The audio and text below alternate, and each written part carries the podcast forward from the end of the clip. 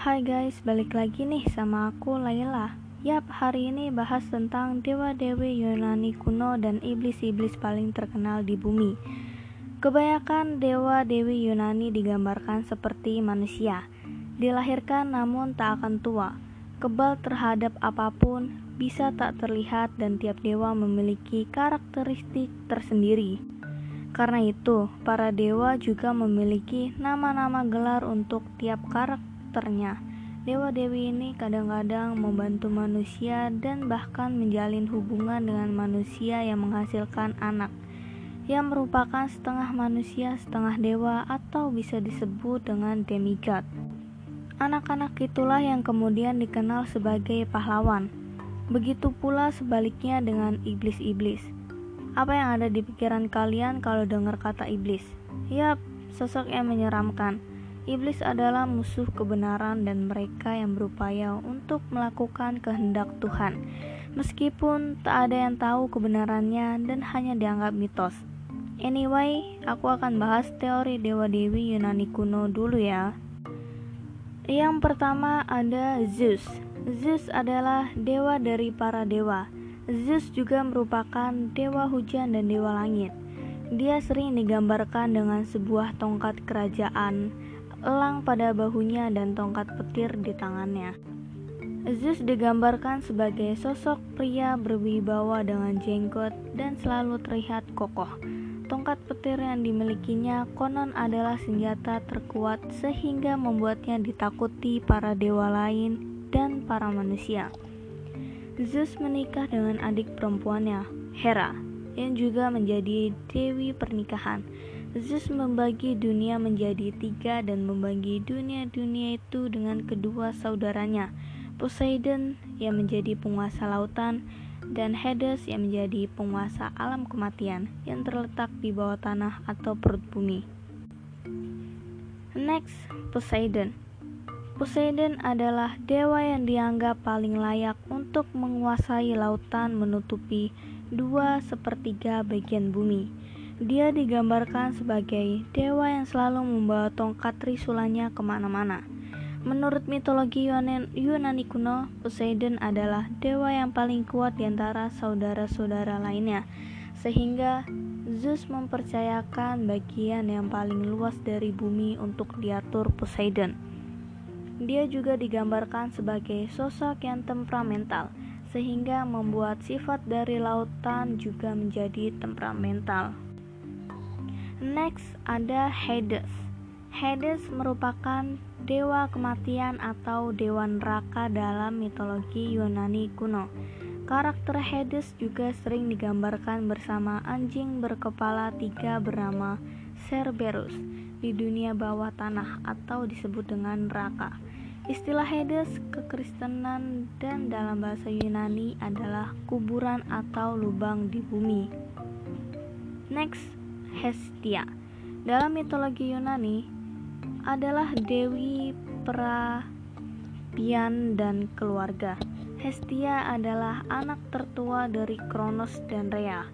Dia digambarkan sebagai perempuan sederhana yang berkerudung. Dia duduk di singgah sana kayu polos dengan bantal wol putih. Dalam mitologi Romawi, dia dikenal sebagai Vesta, dewi yang juga melambangkan perapihan. Next, Hermes.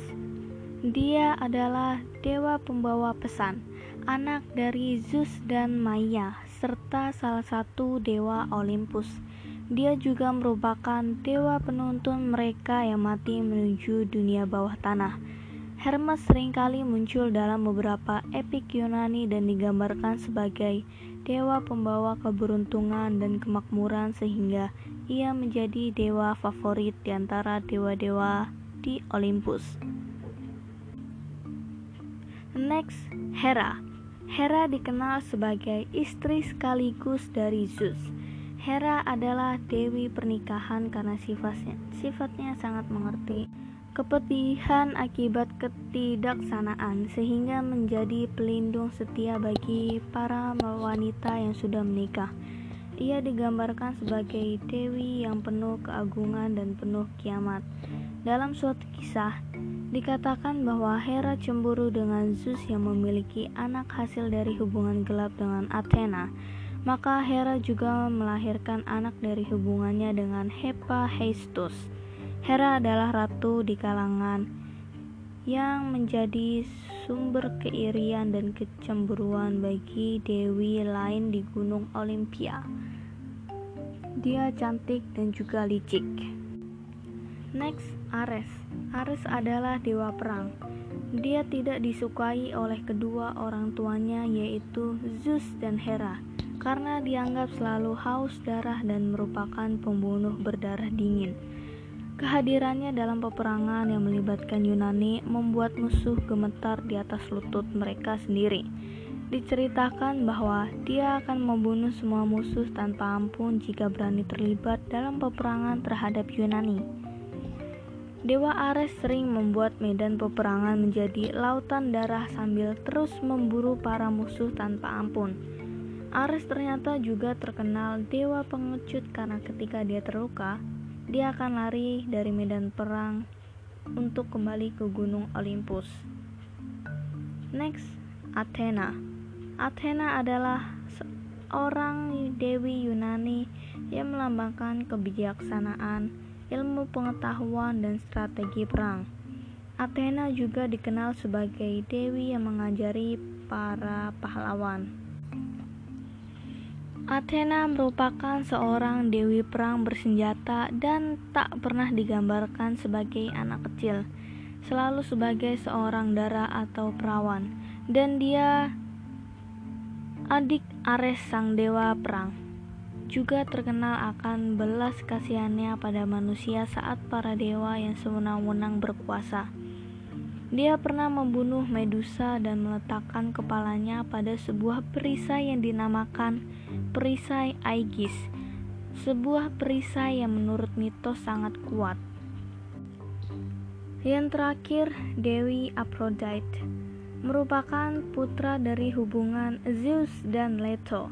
Dia adalah saudara kembar dari Artemis, Apollo adalah dewa musik yang digambarkan selalu memainkan kecapi emas dan merupakan dewa pemanah yang sering memanah dengan busuk peraknya.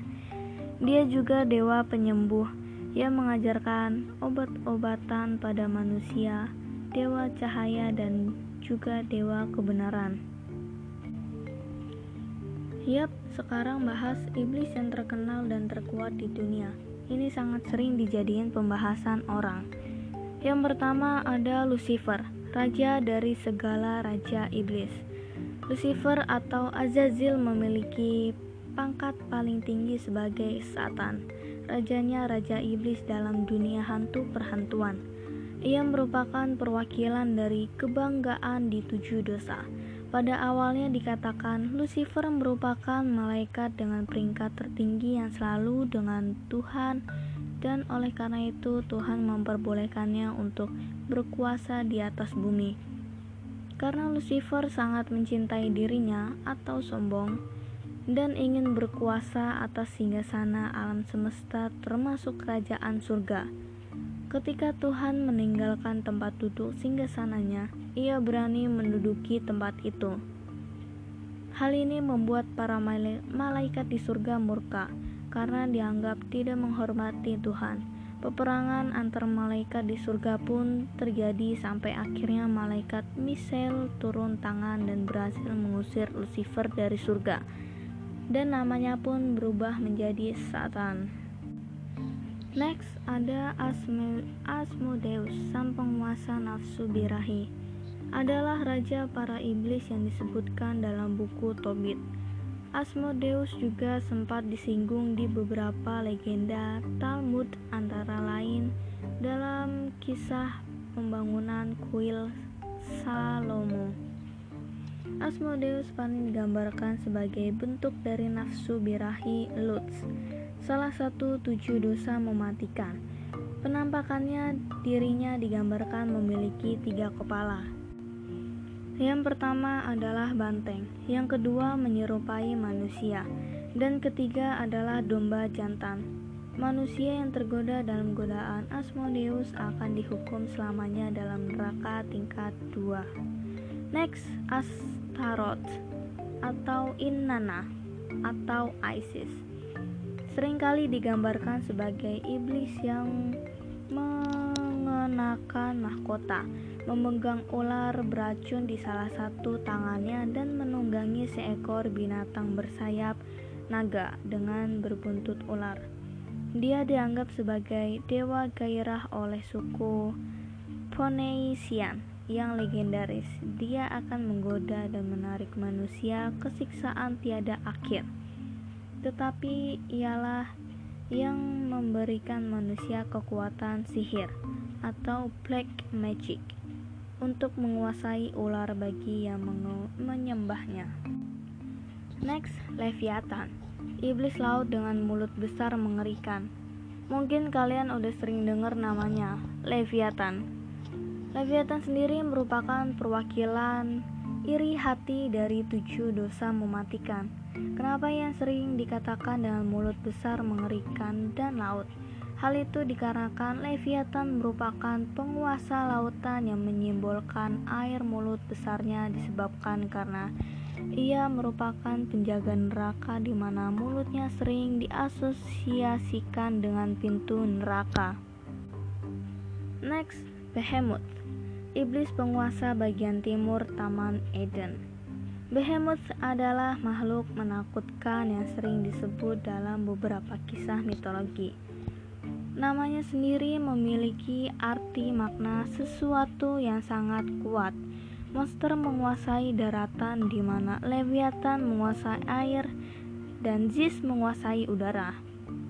Dia tinggal di sebuah gurun tak terlihat sebelah timur Taman Eden. Dikatakan bahwa ketika suatu hari kiamat tiba, sosok Behemoth akan muncul dan berperang melawan Tuhan berserta umatnya yang dia percaya. Next ada Beelzebub atau Baal. Dalam bahasa Arab merupakan raja pertama neraka yang juga menyimbolkan kerakusan ketamakan, di mana ia akan mengajak manusia untuk memilih-milih makanan dan secara rakus.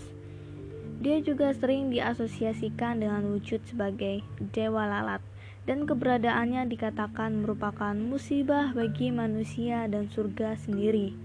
Hal ini mungkin disebabkan karena Beberapa kisah mengatakan sebenarnya ia adalah identitas lain dari Satan dan ia merupakan dari pertama neraka yang mengajarkan ilmu menghilang.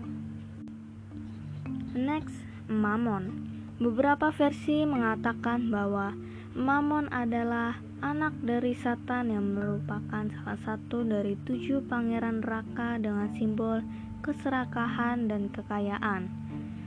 Mamon sering diasosiasikan dengan wujud iblis yang sangat rakus dengan uang, kaya dan juga pelit.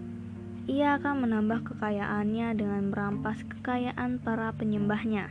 Uniknya, kata mamon di istilah non-formal Jerman memiliki arti kata uang.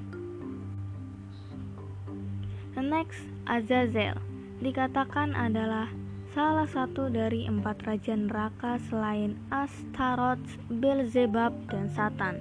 Ia sering dikaitkan dengan kegelapan dan kekeringan di padang pasir. Bahkan Azazelah yang dikatakan membuat kejahatan di dunia. Hingga akhirnya air bah datang untuk membersihkan kejahatan tersebut. Beberapa menyebut bahwa Azazel merupakan malaikat yang memberikan manusia pengetahuan Padahal itu bukan tugasnya, dan seharusnya hal itu tak boleh diajarkan. Terlebih, ia mengajarkan manusia untuk menanyakan mengenai hukum alam. Oleh karena itu, beberapa orang mengatakan bahwa ia merupakan ular yang menggoda Hawa untuk memakan buah pengetahuan. Hal ini membuatnya diusir dari surga dan diikat di puncak bebatuan sampai kiamat dan hari penghakiman tiba. Yang terakhir ada Belgehor. Belgehor adalah lambang kemalasan atau sloth dari tujuh dewa mematikan. Memiliki wujud sebagai iblis mengerikan yang berjenggot memiliki tanduk dan berkutu tajam. Ia akan memberikan seorang kekayaannya dengan cara apa pun, biasanya melalui penemuan-penemuan yang luar biasa. Setelah orang itu kaya, maka biasanya ia akan bermalas-malas. Hal inilah yang diincar oleh Bergevor, karena ia bertugas menghasilkan kemalasan yang pada akhirnya berujung ke perpecahan sampai timbulnya peperangan sehingga menyebabkan kematian massal manusia. Yap, itu dia teori-teori dari aku. Dan ini podcast terakhir ya and bye bye guys